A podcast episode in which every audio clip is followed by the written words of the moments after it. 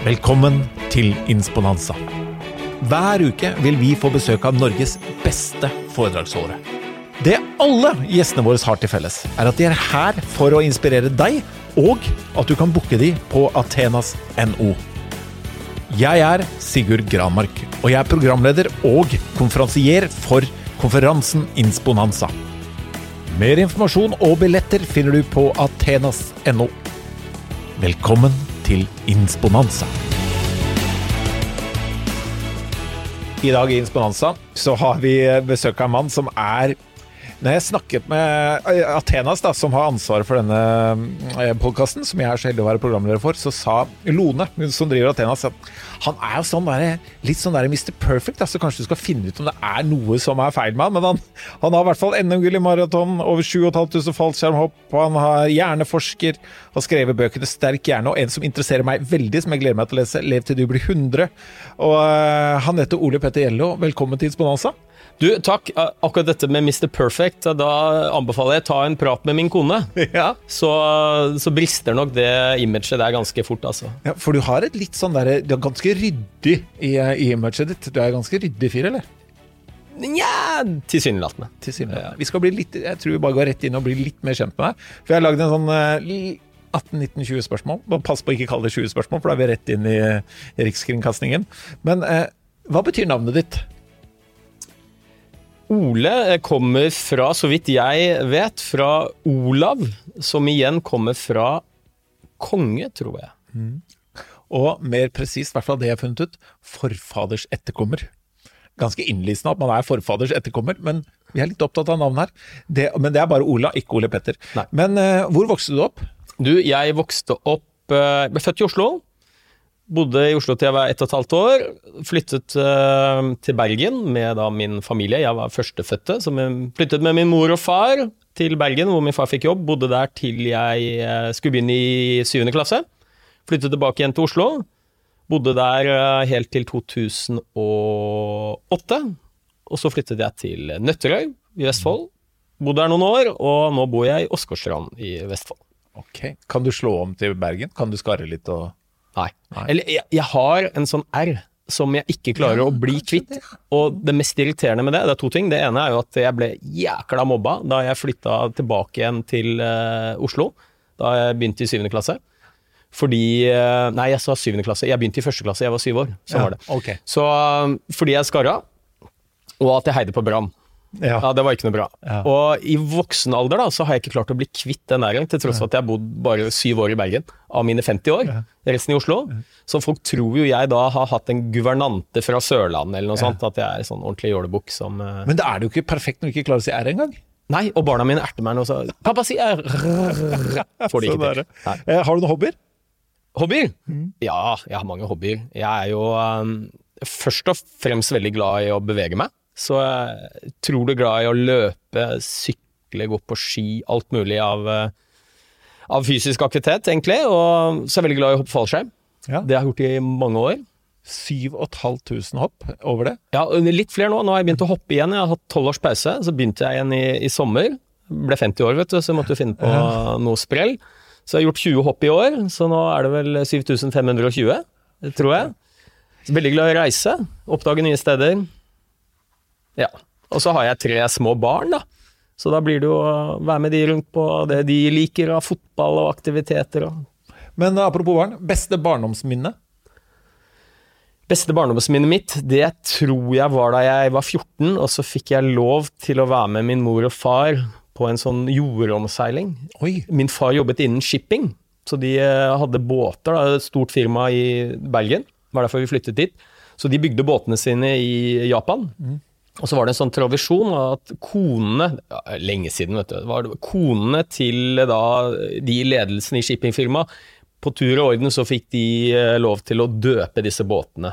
Og det var gjerne i Japan, og det var en stor eh, sånn høytidelig seremoni. Og, og da pleide de å ta en litt sånn litt ekstra tur, da. Så jeg var 14 dager, fløy jorda rundt, var på i 15 forskjellige land med min mor og far da jeg var 14 år.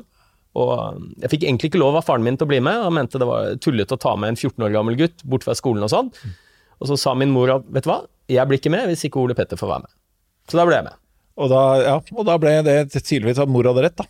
Eh, hva skulle du bli når du ble stor, da? Når du satt på denne jordomreisa, hva tenkte du? Hva skulle du bli? Jeg vet hva, jeg hadde ikke den fjerneste idé om hva jeg skulle bli. Så jeg valgte litt som minste motstand, sa Jeg bodde um, på Slemdal i Oslo, og nesten alle kompisene mine det var sånn Foreldrene jobbet i finans og økonomi, og det var noen advokater og Så jeg um, begynte på skole der hvor kompisene mine begynte, og det var på handelsgym. Ja. Så jeg skulle egentlig bli økonom, tror jeg kanskje jeg tenkte, men uh, det interesserte meg ikke i det hele tatt.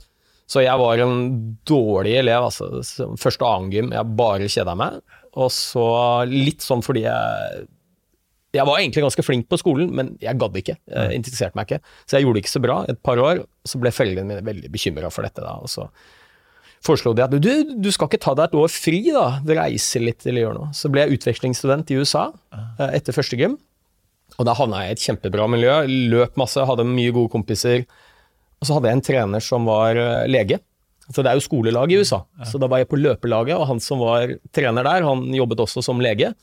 Og det syntes jeg hørtes jækla spennende ut. Så jeg var med han eh, et par ganger. Og av alle ting så drev han var barnelege, og det han drev mest med, det var omskjæring av små gutter. Oi. For det driver de jo med i stor stil i USA. Ja. Så jeg var med på et par sånne operasjoner og ja, så litt hva han drev med, og syntes at det virka ikke akkurat Det er ikke det om, som om, inspirerte deg mest? omskjæringsbiten, da. Nei. Men han, han var barnelege og syntes Ja. det virka utrolig eh, artig og spennende.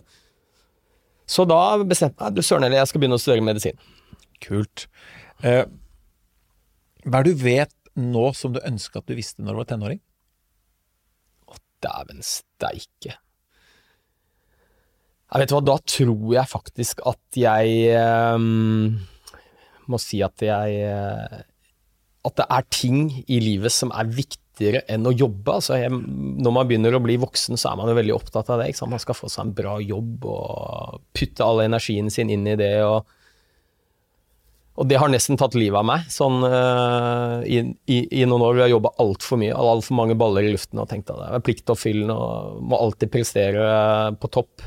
Um, så jeg ble litt dårlig av det, både fysisk og mentalt. Og har nok eh, begynt å innse at det er Ja, ikke la det perfekte bli den gode godes fiende. At eh, det holder å gjøre ting bra og heller bruke energien sin på de tingene som faktisk er viktigere. Jeg tror ikke at man på slutten av livet som 80-åring sitter og, tenker tilbake på livet sitt og sier at fader, jeg skulle jobba mer, altså. Så jeg, jeg skulle ønske jeg hadde brukt mer tid på de tingene jeg liker aller best. Bra svar, eller bra, det vet jeg ikke, men det svaret Jeg registrerer at Gro Hammerseng, som er VM-gull, OL-gull, kåret til verdens beste håndballspiller, hun sa at eh, hun har blitt mindre og mindre opptatt av dette her med å prestere, men mye mye bedre opptatt av å leve og ha det bra. Så Ja, man så det er mye av det samme. Eh, kona di, hva heter hun? Hun heter Ragnhild. Ragnhild. Ragnhild. Ragnhild, ja. Eh, hvis det er fredag, Ragnhild er hjemme, du er hjemme, og Ragnhild skal få servert Ole Petters favorittrett, eller den retten du er best til å lage, hva får hun servert? Da får du nok eh, servert eh, enten lasagne laget fra bunna, eller så er det nok noe thai-inspirert panang curry. Jeg er veldig glad i å lage. Åh, Du lager det selv? Ja, ja. Den er, Ja, sånn, altså, jeg bestiller den ofte. Eh, Helt selv. Det er jo noe sånn paste som du kjøper i butikken, men eh, derfra alt selv, ja. ja. Deilig. Hva provoserer deg? Det er flere ting som provoserer meg. eh, urettferdighet. Og det, det merker jeg det har blitt veldig forsterket av å For barn, det er jo barn veldig følsomme for. Når noen blir urettferdig behandla. Det provoserer meg, og sånn i mer sånn nyhetsaktuelt, kanskje, noe av det som provoserer meg nå, det er jo den sittende regjeringen, og hvordan de forholder seg til eh, folkehelsetiltak. Eh, Og det kan jeg godt utdype hvis du vil det. det skal du få lov til, men ikke nå. Jeg skriver opp, vi kommer tilbake til den. Ja. Eh, hva gleder deg? Familien min gleder meg veldig. Ja, spesielt eh, barna mine. Tre barn så på fire, åtte og elleve, og det er, fader, det er et eventyr, altså. Det er rock'n'roll. Ja. Ja. det er full fart. Eh, du som er Mr. Perfect, da, som vi kaller det her i Insponanza. Hva er din største tabbe? Ah. Jeg vet ikke om jeg skal kalle det tabbe, men eh, jo, du, jeg eh, Nei, det føltes som en tabbe den gangen jeg gjorde det, men ehm, det, i ettertid så har det vist seg at det var ikke noe tabbe. Men jeg fridde en gang til min kjæreste. Vi var 25 år gamle. Hun bodde i USA. Jeg bodde i Norge. Vi har vært sammen i ganske mange år. Traff henne da jeg var utvekslingsstudent. Og ja, hun var veldig på at vi skulle gifte oss. Og jeg tenkte det var litt tidlig. Men så var det noen sånn praktiske forhold rundt det også. At hun kunne komme til Norge. Hun var jo amerikansk. amerikansk.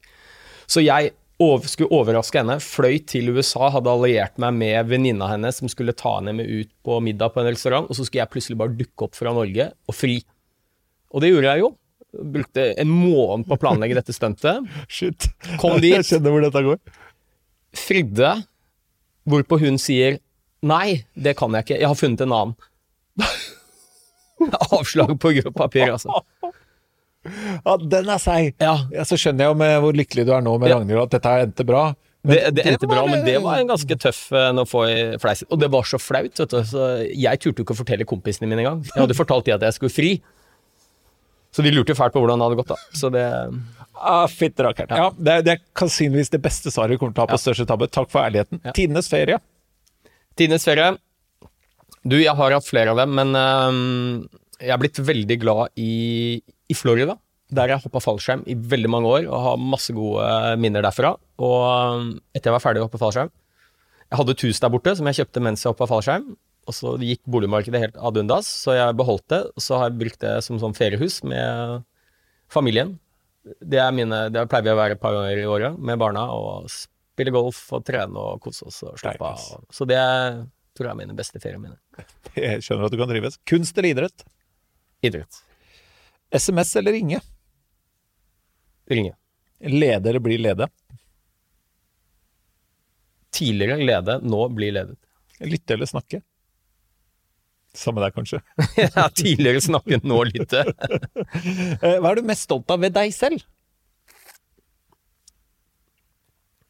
Du, eh, jeg er nok kanskje mest stolt av eh, at jeg tør å være meg sjøl, og at jeg eh, bryr meg om andre mennesker. Bra. Eh, og det har jeg hørt, så det kan jeg eh, bekrefte. Inspirere eller bli inspirert? Inspirere. Hvem er din, hvem eller hva er din største inspirasjon? Dæven. Sånn blir satt on the spot, altså. Nei, jobbmessig jeg, jobber jo og lever av å formidle, og da, da har jeg iallfall ett idol, en som inspirerer meg virkelig, og det er Barack Obama. Han syns jeg er en helt fantastisk formidler. Han kommer virkelig under huden på deg. Og. Og det med, Jeg er jo enig, og Barack Obama har en, en, en enorm formidlingsevne. Og du, du står jo på scenen til Atiko også, som er Athenas eh, formidlingsselskap. Eh, Skal du ha noe der nå, eller skal du ha noe reklame du vil legge inn? Ja, du, Godt spørsmål. Jeg skulle jo hatt masse, vet du. Ja. Det er sikkert flere som skulle hatt det, og så har det blitt eh, avlyst én etter én. Jeg hadde en sånn eh, runde turné som jeg skulle ha, med syv-åtte foredrag rundt om i landet. Så ble jo de eh, avlyst først, nå er de utsatt. Så ja da, det, det kommer med en gang pandemien roer seg. Så de første er vel satt opp i april, tror jeg. Ja. Så de, hvis de går inn på attico.no, så finner de Ja, deg og det de har lyst til å vite mer om. Masse, både stedlig basert, og så lefler de jo litt med tanken om å ha en del eh, Zoom-baserte foredrag også, Atico. Så det kommer nok det også, hvis ikke pandemien gir seg snart. Ja, skal vel, vi, skal, vi, skal, vi skal dit i forhold til det du sa med regjeringen. Men hvis vi begynner litt før vi går til det med regjeringen. Det du sa med at du lever jo å formidle, og, og du gjør det jo bra. Vi har jo vært på samme scene, eh, og jeg eh, skjønner godt at du lever eh, forhåpentlig også godt av det. Men vi- vi- innledningsvis så snakket du om dette med hjernen og formidling. Barack Obama er som formidler. Fortell litt om hvordan du som hjerneforsker, og hvordan vi kan bruke hjernen i å bli bedre til å formidle det vi både vet og tror, da. Ja, jeg tror iallfall et veldig enkelt tips, som, eh, som jo Barack Obama er helt, helt fantastisk på, det er jo dette med å levere budskapet ditt gjennom en historie, altså historiefortelling. Det er han helt rå på. Og der er Altså, hjernen vår er genetisk kodet. Din hjerne, min hjerne, både til å formidle budskap gjennom historier, men også å forstå dem og ta det til seg. Så det er, tror jeg kanskje er det mest effektive kommunikasjonsverktøyet vi har nettopp for å levere budskap, og, og til og med føre til atferdsendring hos uh, mennesker. Og Det er jo ofte det vi er ute etter når vi skal formidle noe budskap. Vi ønsker til slutt en eller annen endring i atferd. Er det uh, den minst takknemlige jobben med å være foredragsholder? Altså det å se endringer i atferd, eller er det sånn at det faktisk ganske mange av de vi eh, og andre hos Athena som reiser rundt og holder foredrag for, faktisk endrer atferd? Ja, og det, det, det er veldig bra spørsmål, for jeg, jo, jeg reiser mye rundt, og så holder jeg foredrag som i utgangspunktet skal være faglig interessante og gjerne litt inspirerende. Og jeg snakker mye om trening, fysisk aktivitet, og hvorfor er det så viktig for helsa vår, og hvordan du har det i hverdagen å være i fysisk aktivitet. Og Det jeg veldig ofte får tilbakemelding om, det er jo at 'å, fy søren, det var et inspirerende foredrag', nå har jeg lyst til å gå ut og løpe'. Men så mister jo jeg kontakten med disse jeg har vært og snakket med, og jeg vet jo av erfaring at veldig mange kan fort bli inspirert når de hører noe spennende, noe nytt, noe som de tenker 'dette er bra for meg'. Men fører det til noe atferdsendring over sikt? Sannsynligvis ikke. Det er iallfall min erfaring fra å ha jobbet som fastlege i veldig mange år, hvor jeg har gjort mye av det samme. Snakket med pasienter om viktigheten av å være i aktivitet, og ja, ja, nå skal vi sette i gang. Så treffer jeg det et halvt år etterpå, så er de tilbake til det, det gamle. Så, så, det er en ting jeg eh, faktisk nå jobber litt med, og se om vi kan Jeg gjøre det samme med Mats Kaggestad, hvor vi tilbyr oppfølging over tid. Aha, for du driver podkast med Mats, ikke sant? Ja, Hjernesterk? Ja, ja, så vi har et selskap som heter Hjernesterk også, hvor vi uh, bl.a. da følger opp bedrifter som er interessert i å ha dette med fysisk aktivitet og ivareta de ansattes helse som en del av bedriftskulturen. Så det er litt sånn tanken at vi ikke bare, jeg bare kommer inn og holder et foredrag, men vi kan også tilby litt tettere oppfølging over tid. Ja, fordi det er jo det. Når, når man formidler, og hvis vi holder oss på det med hjerne og formidling, så er det jo uh, som formidler, eller når du skal kommunisere med andre, så er det jo én ting at de skal like budskapet, men så kan det hende at de må like deg litt mindre for å gjøre noe med det budskapet du formidler. Og samtidig da gjerne pakket inn i en historie som gjør at du husker det når du går ut. Hvis du skulle sagt hva, hva er hvis jeg uh, sitter i uh, salen da, i en, uh, en forelesning med deg, gjerne lev til du blir 100, eller ja, ja. hva det måtte være av, av, bøkene dine, eller budskapet ditt, hva tenker du er min fremste hindring til når du formidler det, til å få Sigurd til å gjøre noe med dette her? Hva må du gjøre? Hva tenker du at dette her, sånn må jeg si det, eller for å få en endring i atferd? Er det mulig å, å si det på en måte som gjør at jeg endrer meg? Ja, Tenker du nå på fysisk aktivitet? En eller annen endring i atferd du ønsker å oppnå med budskapet ditt? Nei, det Jeg vet ikke om det er noe sånn én en enkelt faktor som er um... Nei, altså, jeg, jeg, tror jo i bunn og grunn, hvis du skal få noen til å altså, Vi snakker om å få noen til å endre atferd, eller vi snakker om å motivere noen, men det tror jeg er fryktelig vanskelig. Mm. Det jeg tror vi kan gjøre, er å hjelpe noen til å finne sin egen indre drivkraft, motivasjon, for å gjøre en endring i livet sitt, uansett hva det måtte være for noe. Om det er kosthold, røykevaner, eh, være mer sosial, hva det nå måtte være for noe. Ja. Så um, å få de til å reflektere litt selv ja. over Ja, tja, ja, kanskje det jeg driver med, ikke er helt bra for meg. Hva hva kan jeg gjøre med det? Og det er jo eh, Jeg har jobbet med dette i, i, 20 år som lege og prøvd å hjelpe noen til å endre atferd. Og vi er jo trent opp, vi leger, til å Vi bare forteller pasientene. Ja, ja, men du røyker, det er ikke bra, vet du. Da kan du få kols, og du kan bli skikkelig sjuk av det. Stå på pakka det må du ikke gjøre. Eller ja, men du er jo overvektig, det er ikke rart du har vondt i knærne, så du må jo gå ned i vekt, du.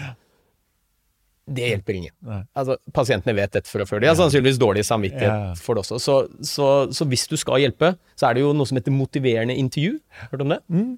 Det er jo sånn verktøy du, som er veldig sånn pasientsentrert, eller individsentrert, hvor du prøver å få personen til å reflektere sjøl over sin egen atferd. Hvis du skal gjøre det på meg, da. Velg tema. Ja, la oss si at du hadde vært eh, svært overvektig, og så hadde du fått vondt i knærne dine. Ja. ja. Jeg har vondt i Ole Petter, jeg merker det. Når Det, går i trapper nedover og alt mulig sånt. Jeg har vondt i knærne. Ja, og, og, og, så sitter jo jeg da som lege kanskje ikke, det er åpenbart hvorfor Sigurd har vondt i knærne. Han er jo bælfeit. Ja, og, eh, og, det vi ofte gjør da, er å si ja, men du er jo veldig overvektig, det er klart du har vondt i knærne dine. Hva ville du sagt på et motiverende intervju? Nei, Da ville jeg heller sagt at ok, har du noen tanker selv om hvorfor du har vondt i knærne dine?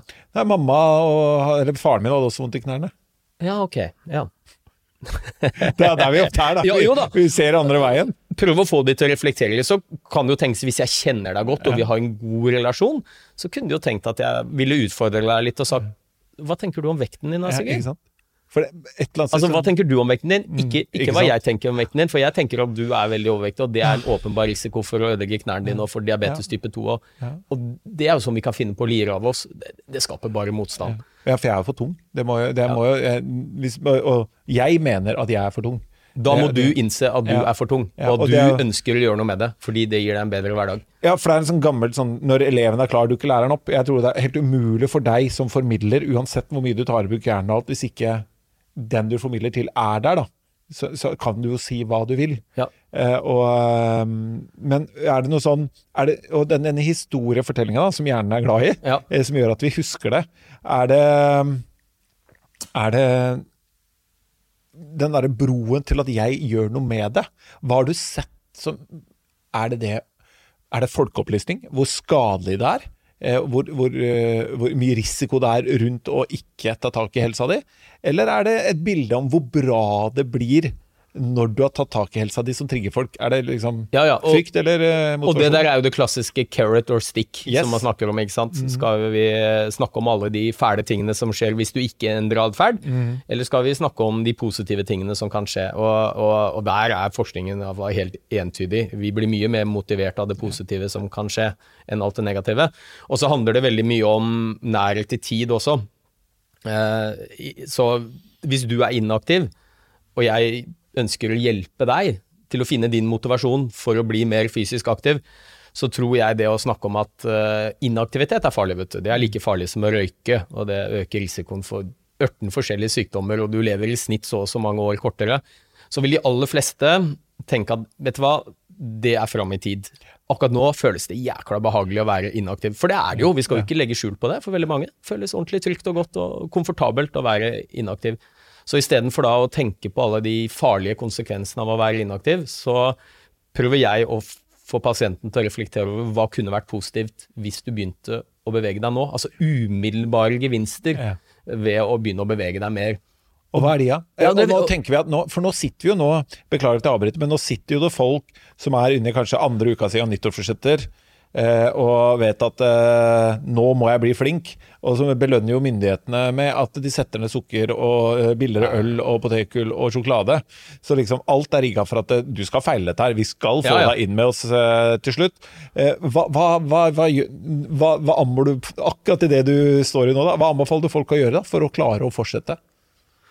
Nei, eh, det hovedpoenget mitt her er at hjernen vår den er laget sånn gjennom evolusjonen at den er mye mer opptatt av en umiddelbar gevinst enn en enda mye større gevinst lenger fram i tid.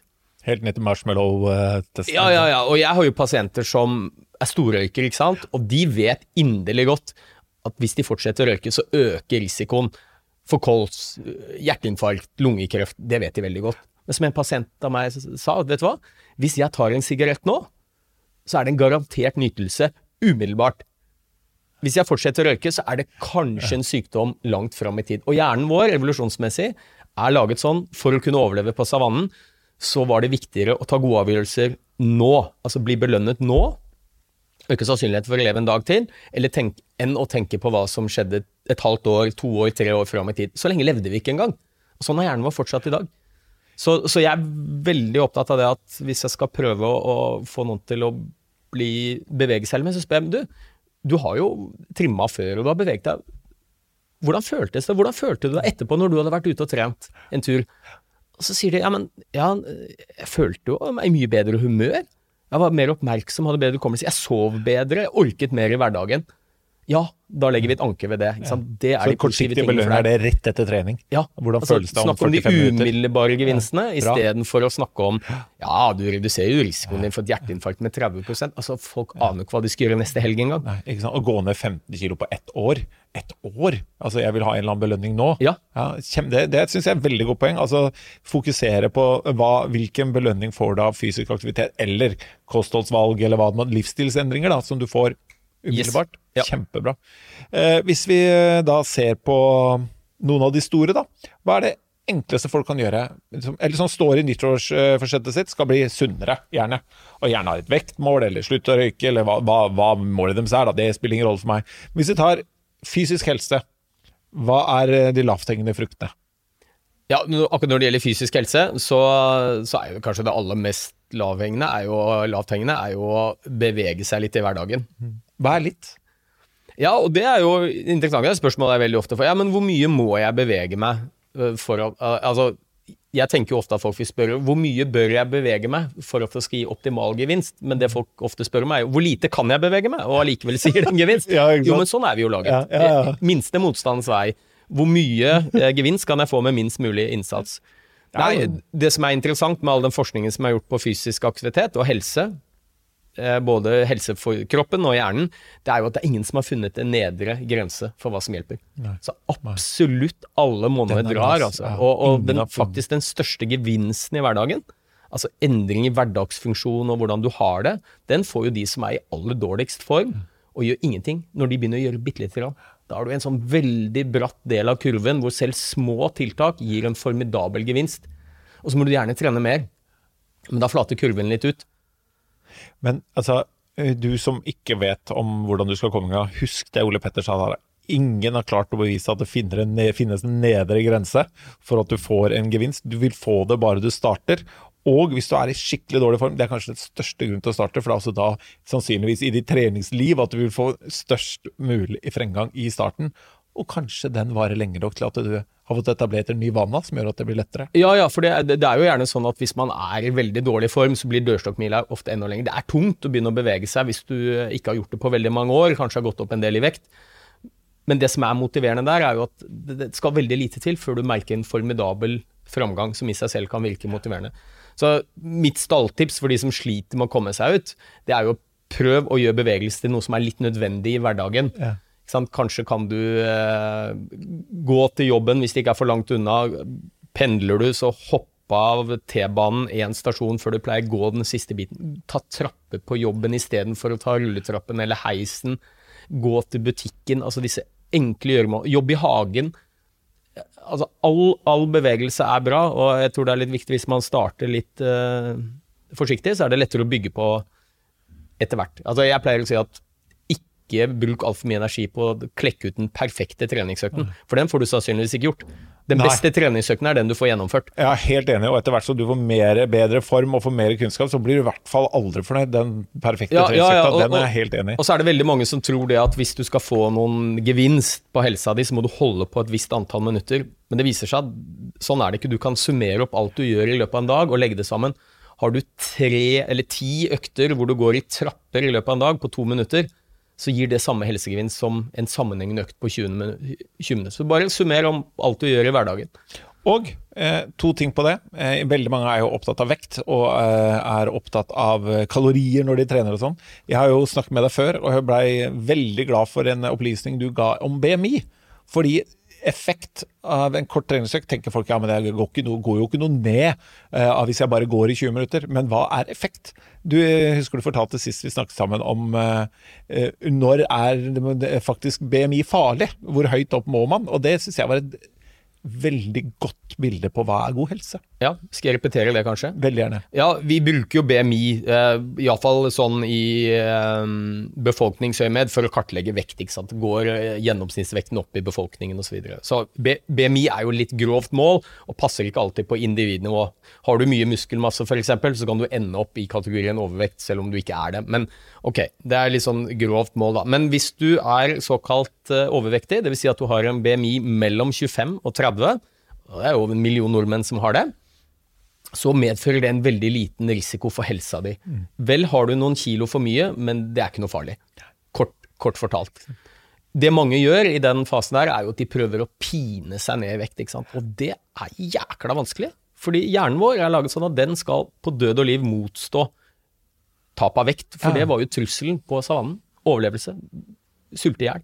Så vi har mange mekanismer som gjør det fryktelig vanskelig å gå ned i vekt. Så det jeg pleier å si til de da, er at er du i den kategorien, overvektig, mellom 25 og 30 BMI, så istedenfor å prøve å pine deg ned noen kilo for helsa di sin skyld, så prøv heller å ta gode livsstilsvalg og unngå å gå opp i vekt. Ja. Det er enda viktigere å unngå å gå opp i vekt enn å pine seg ned de kiloene. Og det er fordi at med en gang du bikker over 30 og begynner å komme opp i 35 og fedme, så gir det en betydelig risiko for sykdom. Og det bildet der, det håper jeg eh, i det forfengelighetstyranniet vi lever i, at folk lytter til. da.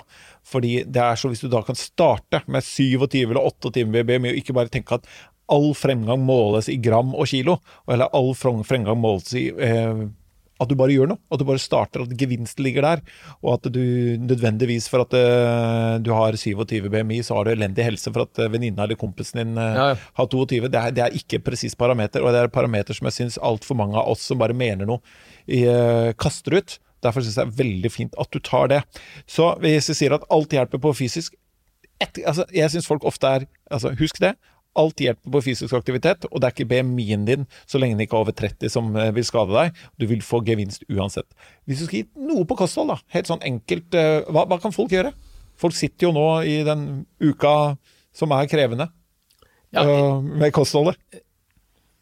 Én vi må huske at kalorier, eller, altså mat er mye mer enn kalorier vi bare putter inn i munnen. Altså Matglede. altså Mat er en sosial arena og kanskje nå enda viktigere enn noen gang når vi har alle disse distanseringsreglene og vi får ikke være sammen med folk. Og, så um, spis mat du liker. Mm. Mm. Det, det, tenker jeg det er veldig undervurdert. Ingen som klarer å, å gå på en eller annen sånn fryktelig trenddiett. Klarer de kanskje noen uker å pine, prøve å pine seg ned vekt på mat de egentlig ikke liker. Og heller spise det du liker, men kanskje bare litt mindre, da. Ja. Eh, spis mat du liker. Prøv å ikke spise flere kalorier enn det du forbrenner. Mm. Det er et viktig tema. Men uh, hvis du skulle si noe sånn rent konkret om kosthold, så um, på helsa så vet vi f.eks. at sånn middelhavskosthold det er det som har vist seg å være aller mest effektivt for å unngå å bli syk, leve lengst mulig. Det er ganske likt det Helsedirektoratet anbefaler. Det er mye frukt og grønt, det er mye fiber. Spiser du kjøtt, så spis rent kjøtt. Eh, bruk mye planteoljer. Spesielt disse omega-3-fettsyrene er viktig. Hva er forskjellen på fiber og karbohydrater? Mange sliter litt der, vet jeg. Ja, altså um, Karbohydrater er jo så mangt, da, ikke sant. Og det jo, inneholder jo mye glukose, som uh, Og der blir folk litt forvirret, fordi karbohydrater kan jo være en cola med tonn av sukker, og det kan være en grovbrødskive. Så hvis du skal gi noen enkle tips der, så er det å prøve å spise mest mulig det vi kaller grove karbohydrater. Da, altså ja. de som gir en langsom blodsukkerstigning. Det er jo da f.eks. Eh, alt med mye fiber, grovt brød. Eh, gjerne pasta og ris, men hvis du kan bytte ut eh, den finmalte hveten med litt grov pasta og villris f.eks. Ja. Altså rett og slett karbohydrater som ikke gir den voldsomt raske blodsukkerstigningen det, det, er bra for appetitten. Da ender du opp med å spise færre kalorier. Og så er det, det fiber som er i de grove karbohydratene, er veldig beskyttende. Uh, kolesterol og det reduserer risikoen for sykdom senere i livet. Altså, Kjempekonkret. Spise, gjør, gjør, akkurat det Ole Petter sa der. Drikke! Er, drikker vi vann? Er, er, Pepsi Max og Cola Zero er ofte en guilty pleasure til folk som skal oh, ja. spise sunt og, og, gå ned i vekt. Så er det det man Er det farlig? Ja, Her er det litt forskjell mellom liv og lære. Hvis du spør meg om det er farlig med søtningsstoffer, er det det du spør meg om? Det kan du velge i forhold til hva du kan gi best svar på. Ja, Det er spørsmålet jeg veldig ofte får, og, og, og der er det god dokumentasjon som sier at disse søtningsstoffene, aspartam og så videre, de er ikke farlige for oss. Eh, altså De er testet i doser ja. uh, som er uh, så høye at vi, det ville aldri klart å få i oss om vi hadde prøvd en gang. Det er ikke farlig. Men det er noen diskusjoner rundt om det påvirker blodsukkeret vårt. Eh, at hjernen tror det er sukker, og så skiller den ut insulin, og så får vi litt lavt blodsukker, og så blir vi fysende og spiser mer. Eh, altså den beste Hvis jeg nå skal være fagperson, så er det jo vann, da. Ja. Men, men, eh, jeg drikker mye Pepsi Max, det er min guilty pleasure. Og når jeg blir da sagt Noen forteller meg ja, men det er vann. Du, du, sier jo at vann er sunt. Ja, men Pepsi Max er 99% vann, vet du, sier jeg. Ja, ja, og jeg er litt der at hvis, hvis Bare det du sier med aspartan og sånn, så tror jeg vi, jeg kan godt som ikke-fagperson konkludere for deg. Ikke kutt akkurat den Pepsi Maxen da, hvis det gjør at det gjør at du kan ryke på andre ting. Den Nei, kan du få lov å kose deg med glass på kvelden. Ikke la det perfekte bli den gode fiende. Ingen som klarer å, å, spise et perfekt kosthold over tid. Du må finne noe du liker. Prøv å spise variert. Og se om du kan finne ting du liker blant de matvarene som vi vet er sunne og gode. Det tror jeg vi aller fleste klarer. Bra. Da har vi tatt et, uh, litt trening, vi har tatt eh, kosthold, vi har tatt drikke. Siste min ting da. Et, en setning som du vet har hengt seg ved meg, som du sa forrige gang. Uh, sover du kort, så lever du kortere. Ja. Tips om søvn. Ja, Søvn er en av grunnpilarene som helsa vår hviler på. Og, og det er jo mange pilarer helsa vår hviler på. Vi må spise for å overleve, vi må sove for å overleve. Og så er det jo litt ironisk at disse signalene som kroppen sender om sult, de er vi veldig gode til å lytte til. Faktisk noen ganger litt for gode, så vi ender jo opp med å spise mye mer enn det vi trenger. Men når det gjelder søvn, som er like viktig som mat Altså, vi dør hvis vi ikke sover over tid. Ja. Eh, og det vet vi fordi det er noen mennesker som har en genetisk variant som gjør at de ikke får sove. De lever ikke veldig lenge. Nei. Eh, men akkurat søvnbehovene våre, de lytter vi ikke like godt til. Vi ignorerer søvn. Velger det bort for andre ting. Og, og voksne, eller mennesker trenger mye søvn. Voksne i snitt åtte timer per natt. Ja. Det er litt uh, variasjoner, men i, i, gjennomsnitt åtte timer. Og de aller færreste får det. De fleste av oss sover iallfall halvannen time mindre per natt enn det vi bør ha. Og, og, søvn påvirker absolutt alle celler, alle organsystemer i hele kroppen, kanskje spesielt hjernen vår. Så det er derfor jeg har sagt mm. det, og det er godt dokumentert i forskning. Over tid, jo mindre du sover, jo kortere lever du. Du sover. Og mer syk blir du. Har det noe Ja, syk eh, Psykisk helse, eh, påvirkes den? Ja, altså Nevn en sykdom. Eh, altså Så godt som alle de vanligste sykdommene som rammer nordmenn. Nå snakker vi om hjerte-karsykdom, vi snakker om kreft, vi snakker om mentale lidelser som depresjon, angst. Alle de øker hvis du over tid sover for lite. Og, og nå snakker jeg ikke om en natt i ny og ne. Du har småbarn, du sover litt dårlig et par netter i uka. Det er ikke det jeg mener. Det takler vi helt fint. Men over tid, måneder og år, med for lite søvn, så går det utover helsa vår. Og ikke minst hverdagsfunksjon. Ja. ja, og jeg syns det er så viktig, for det er noen innen eh, forskjellige sjangere som formidler ting som er så tøffe og barske, og vi trenger ikke mye søvn, og opp om morgenen, og fem timers søvn er maks. Kan gjerne stå opp midt på natta for min del, men da må du legge deg tidligere. Ja, ja, og, liksom... jeg, og det er jo blitt sånn statussymbol. ikke sant? Jeg trenger ikke så mye søvn. Jeg sier pasientene mine med dårlig skjult stolthet. Funker kjempebra. ikke sant? Jobbe, jobbe, jobbe, sove lite. Og mange assosierer jo det med folk som er virkelig flinke og suksessrike. Men det er myte, altså. Det eneste du risikerer over tid, hvis du frarøver deg selv søvn, er å ødelegge helsa di.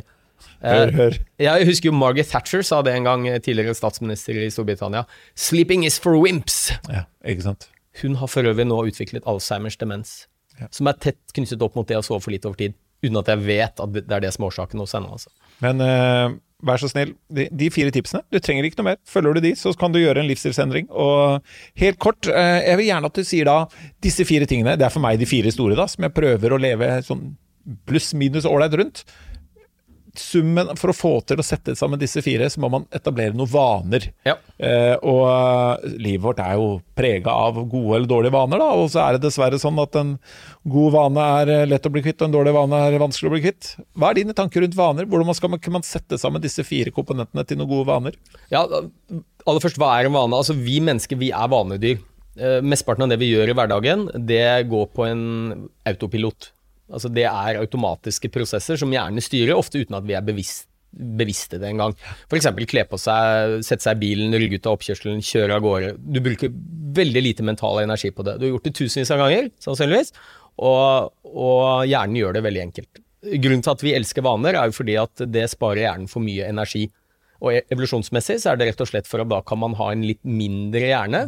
Uh, fordi hjernen til mennesker er nå så stor den har vokst gjennom evolusjonen, så nå er det jo så vidt den kommer ut gjennom kvinnebekkenet. Ah, så Derfor er det viktig å ha vaner, ellers så måtte vi ha mye større hjerne for å kunne fungere sånn som vi gjør i hverdagen. Og da hadde kvinner dødd i fødsel. Og da er det game over for e- evolusjon. Er det en sammenheng mellom hvor stor hjernen er i forhold til individets størrelse, hvor intelligente vi er? Sånn som dinosaurer hadde små hjerner i forhold til kropp? Nei, nei, eh, det aller viktigste som avgjør hvor god funksjon hjernen din har, det er ikke volum eller størrelse. Det er eh, antall kontaktpunkter, det vi kaller synapse mellom nervecellene, og de tar ikke så mye plass. Jeg kan jo nevne at Albert Einstein, som jo ikke var noe dumming, han hadde en hjerne som var godt under snittet i volum og vekt, sammenlignet med en mann på sin størrelse. Bra. Og jeg, jeg, mente da i forhold til andre arter, ja, altså, ikke vi mennesker. Ja, Bare sånn at jeg fremstår helt uh... Nei, det er, det er ikke volumet. Det er bl.a. hvor mye folder og overflateareal du ja. har. Og, og, hjernen til mennesker er mye mer foldet. Så vi klarer å pakke inn mye ja. flere nerveceller på et mindre volum enn mange andre arter. da. Men er det da, når vi lager nye vaner, lager vi nye synapsekoblinger? Nye veier? Hvordan fungerer dette? Ja, altså, vaner er viktig for oss mennesker. Og um, hvordan vi lager nye vaner? Ja, det handler rett og slett om flere kontaktpunkter mellom nervecellene våre, det vi Mm. kaller synapser. Og vi har flere hundre trillioner av dem, og hjernen er veldig plastisk, altså formbar.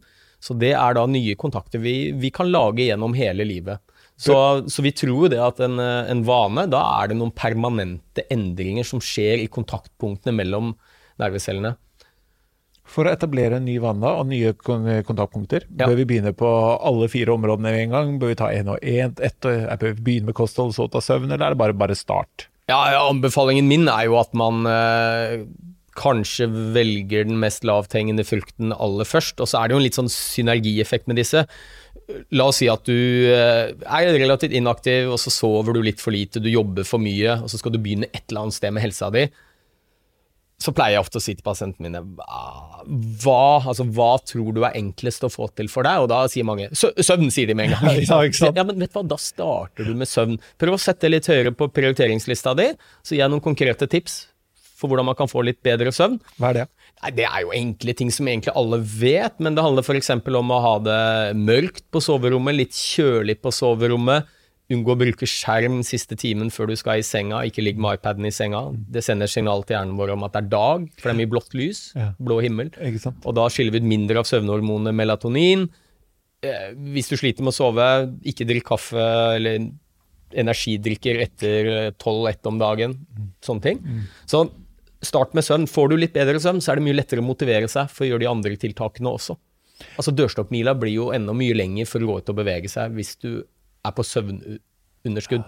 Så mitt tips er å starte med én ting av gangen. Små steg. Og når den går lett, kan du sakte, men sikkert legge Ja, på et nytt komponent. Og skal du starte med flere ting av gangen, det er jo ikke noe fasitsvar her, så for guds skyld start forsiktig. Små steg, altså. Jeg pleier å si kanskje skal du fra A, sofakroken, til å løpe Oslo Maraton. Gudene vet, det er fra A til Å. Ja. Men gå fra A til B først. Og så fra B til C. Og så fra C til D. Små steg av gangen. Bra bilde. Ja, og det er, litt sånn motivasjonsmessig også. Har jo pasienter som sier til meg Nei, jeg skal trene fem dager i uka. Og så sier jeg ja, ja du vil det? Eh, nå har du jo akkurat fortalt meg at du har ikke trent på 20 år. ja. Vi skulle ikke sagt to, da. Ja. Eh, og så sier jo, ok, ja, kanskje det. For det er, det er jo noe med at hvis målet ditt er fem, og du klarer tre, Ganske langt unna oppleves det ja, sånn. da, da, da opplever du som du har feilet. Men hvis målet ditt er to, og du klarer tre, så er det en seier. Åh, husk det, ja. Vær så snill og husk det, ja. Start forsiktig, og så kan du bygge på.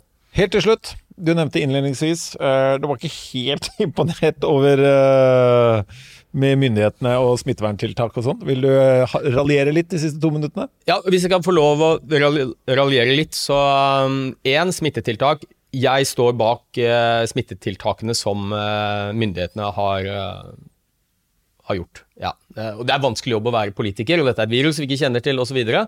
så de har gjort mange tiltak som jeg syns det, det er viktig å følge. Det jeg savner litt, er to ting. Det ene er jo Ser man helhetsbildet Jeg tror jo mange Altså, bivirkningene av mange av de restriksjonene som er blitt pålagt oss, bekymringer rundt inntekt, arbeid, sosial distansering osv.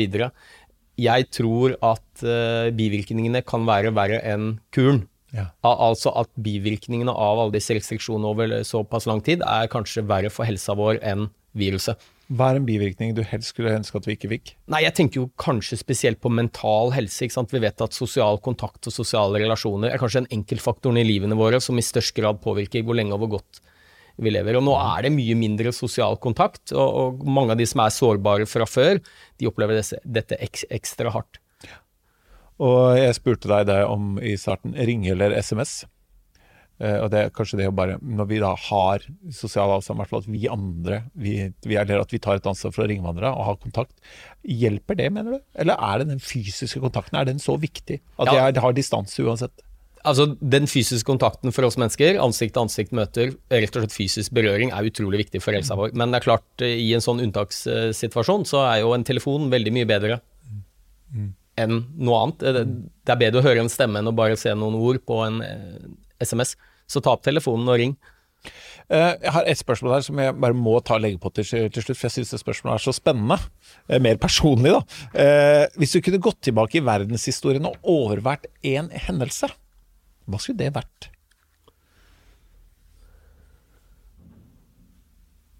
Åh, det var vanskelig spørsmål, altså. Ja, du, du, da tror jeg jeg er litt farget av en historie jeg ble fortalt forleden, og det var jo senkingen av Blücher i Oslofjorden. Eh, hvor, så vidt jeg forsto det, altså her var det noen som ikke helt fulgte ordre. Og, og jeg skulle gjerne vært litt sånn flue på veggen og hørt hva man gjorde av vurderinger der før man eh, Ja, for det var vel en eh, var det kaptein, en som tok en ganske tøff beslutning Ja, der. det var det. Som eh, jo hadde en virkelig stor eh, effekt på oss nordmenn, som selv ikke levde den gangen. Og hvilket språk vi snakker nå, til og med. Ikke sant? Ja. Så der skulle jeg gjerne vært flue på veggen. Helt enig. Eh, helt til slutt, er det noe jeg skulle ha spurt deg om, og når du er i sånne podkaster, du er jo mye rundt, er det noe jeg burde spurt deg om, eller som du ønsker at folk spurte deg om, som du ikke har blitt spurt om? Ja, for du sa at jeg skulle få lov til å raljere litt. Ja. Så, og, og, jeg, og jeg var ikke helt ferdig med det. Her, jeg. Ja, så da kunne du stilt det spørsmålet en gang til. Ja, så det var det med korona, og jeg tror kanskje at vi skaper litt mye unødvendig frykt, eh, og nå skylder jeg ikke på politikerne nødvendigvis, men blant media også. Er det nødvendig å ha førstesideoppslag om at en eldre person dør på et sykehjem f.eks.? Det er jo de sykeste og skrøpeligste i samfunnet vårt. Jeg tror at sånne oppslag som det, det skaper bare frykt, og det er- bringer det verste ut i oss mennesker. Ja. Så man må være litt mer edruelig der. Um, og det andre er folkehelsepolitikk, og det er der jeg eh, har en høne å plukke med regjeringen først og fremst. Nå har de gjort to ting som jeg mener er virkelig tilbakesteg for folkehelsa. Det ene er at de prøver å skrote et vedtak om at barn skal få lov å bevege seg mer i skolen. Det trenger vi ikke mer forskning på. Det er helt nødvendig for barn. Og der har jo du og Horten vært, har jeg lest tidligere, jeg har lest om deg, eller vært, eh, gjort noen veldig spennende prosjekter, har du ikke? Jo, vi har sett at barn som får lov til å bevege seg mer i skolen en time om dagen istedenfor to timer i uka, de får bedre fysisk helse. Det visste vi selvfølgelig. Bedre mental helse. De trives bedre på skolen, bedre klassemiljø, og så lærer de bedre. Så det er bare vind over hele fjøla. Det er et billig tiltak, ganske enkelt å få til, og det ville være med på å utligne sosiale forskjeller i helse i Norge, som er ganske formidable fra før. I skolen når vi alle. Så der mener jeg politikerne bør virkelig lytte til fag fagmiljøene. Fysisk aktivitet i skolen er viktig for barn. Aktive barn blir aktive voksne. Vaner dannes tidlig i livet. Det er det ene. Og det andre er jo dette med at man nå har bestemt at man skal redusere avgifter på den maten som tar livet av oss. Altså, som virkelig er skadelig for helsa. Trenger vi virkelig mindre avgifter på sukker, alkohol? Det jo, og her er også fagmiljøene helt entydige. Hvis vi skal bedre folkehelsa, så er dette med differensiert avgiftspolitikk på maten som ikke er bra for oss, det er noe av de viktigste verktøyene vi har for folkehelsa. Og så går regjeringen tvert imot. Jeg kunne ikke De burde skamme seg. Ja, altså for meg er det der eh, helt komplett uforståelig, når vi vet også Jeg leste en studie her at uh, over 70% av dødsfallene i EU er livsstilsrelatert. Ja, ja. Og når vi går den veien her, jeg, jeg støtter deg 100% så ja, der syns jeg også man kan skjerpe seg. Selv om noen feirer det, men jeg tror altså også at de ikke helt er klar over hva de feirer. Men eh, sånn er det med, med livsstil. Vil du vite mer om hjernen, mer om livsstilsvalg, mer, mer om eh, boka 'Sterk hjerne' og den boka, eller ikke minst 'Lev til du blir 100', som jeg er veldig fan av, så kan du gå på enten i Ole Petters hjemmeside, men du kan også gå på atikko.no og bare melde deg på et foredrag, så vil du lære mer. Så Ole Petter Gjelle, tusen takk for at du kom. Du, tusen takk for meg, dette var veldig gøy. Hver uke vil vi få besøk av Norges beste foredragsholdere. Det alle gjestene våre har til felles, er at de er her for å inspirere deg, og at du kan booke de på Athenas NO.